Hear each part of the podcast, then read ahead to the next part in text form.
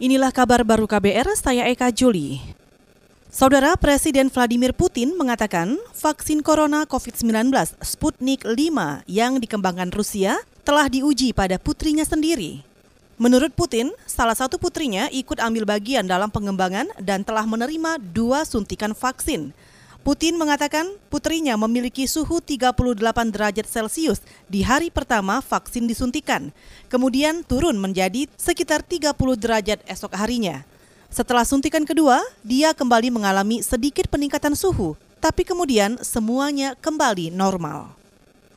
Saudara Kejaksaan Agung langsung menahan Jaksa Pinangki Sirna Malasari setelah ditetapkan sebagai tersangka dalam kasus Joko Chandra. Juru bicara Kejaksaan Agung Hari Setiono menjelaskan, Jaksa Pinangki langsung ditahan di rutan kelas Pondok Bambu, Jakarta Timur. Dan pada malam hari itu juga dilakukan penahanan selama 20 hari ke depan.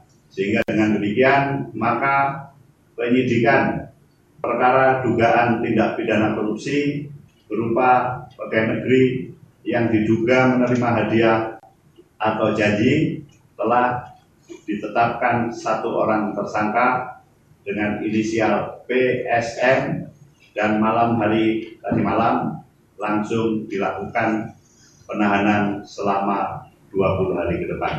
Itu tadi juru bicara Kejaksaan Agung Hari Setiono. Jaksa Pinangki sebelumnya menjalani serangkaian pemeriksaan lantaran pernah bertemu Joko Chandra di Malaysia.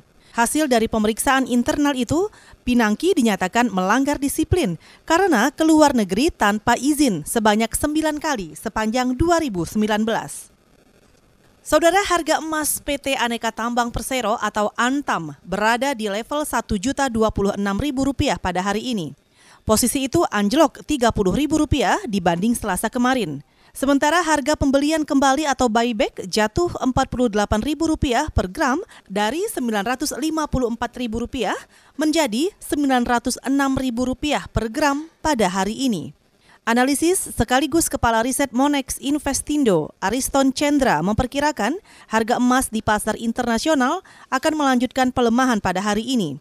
Ia mengatakan pelemahan harga emas muncul karena penguatan dolar Amerika Serikat yang ditopang sentimen pemulihan ekonomi negeri Paman Sam.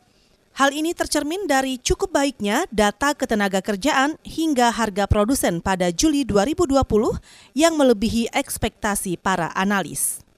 Saudara, demikian kabar baru. Saya Eka Juli.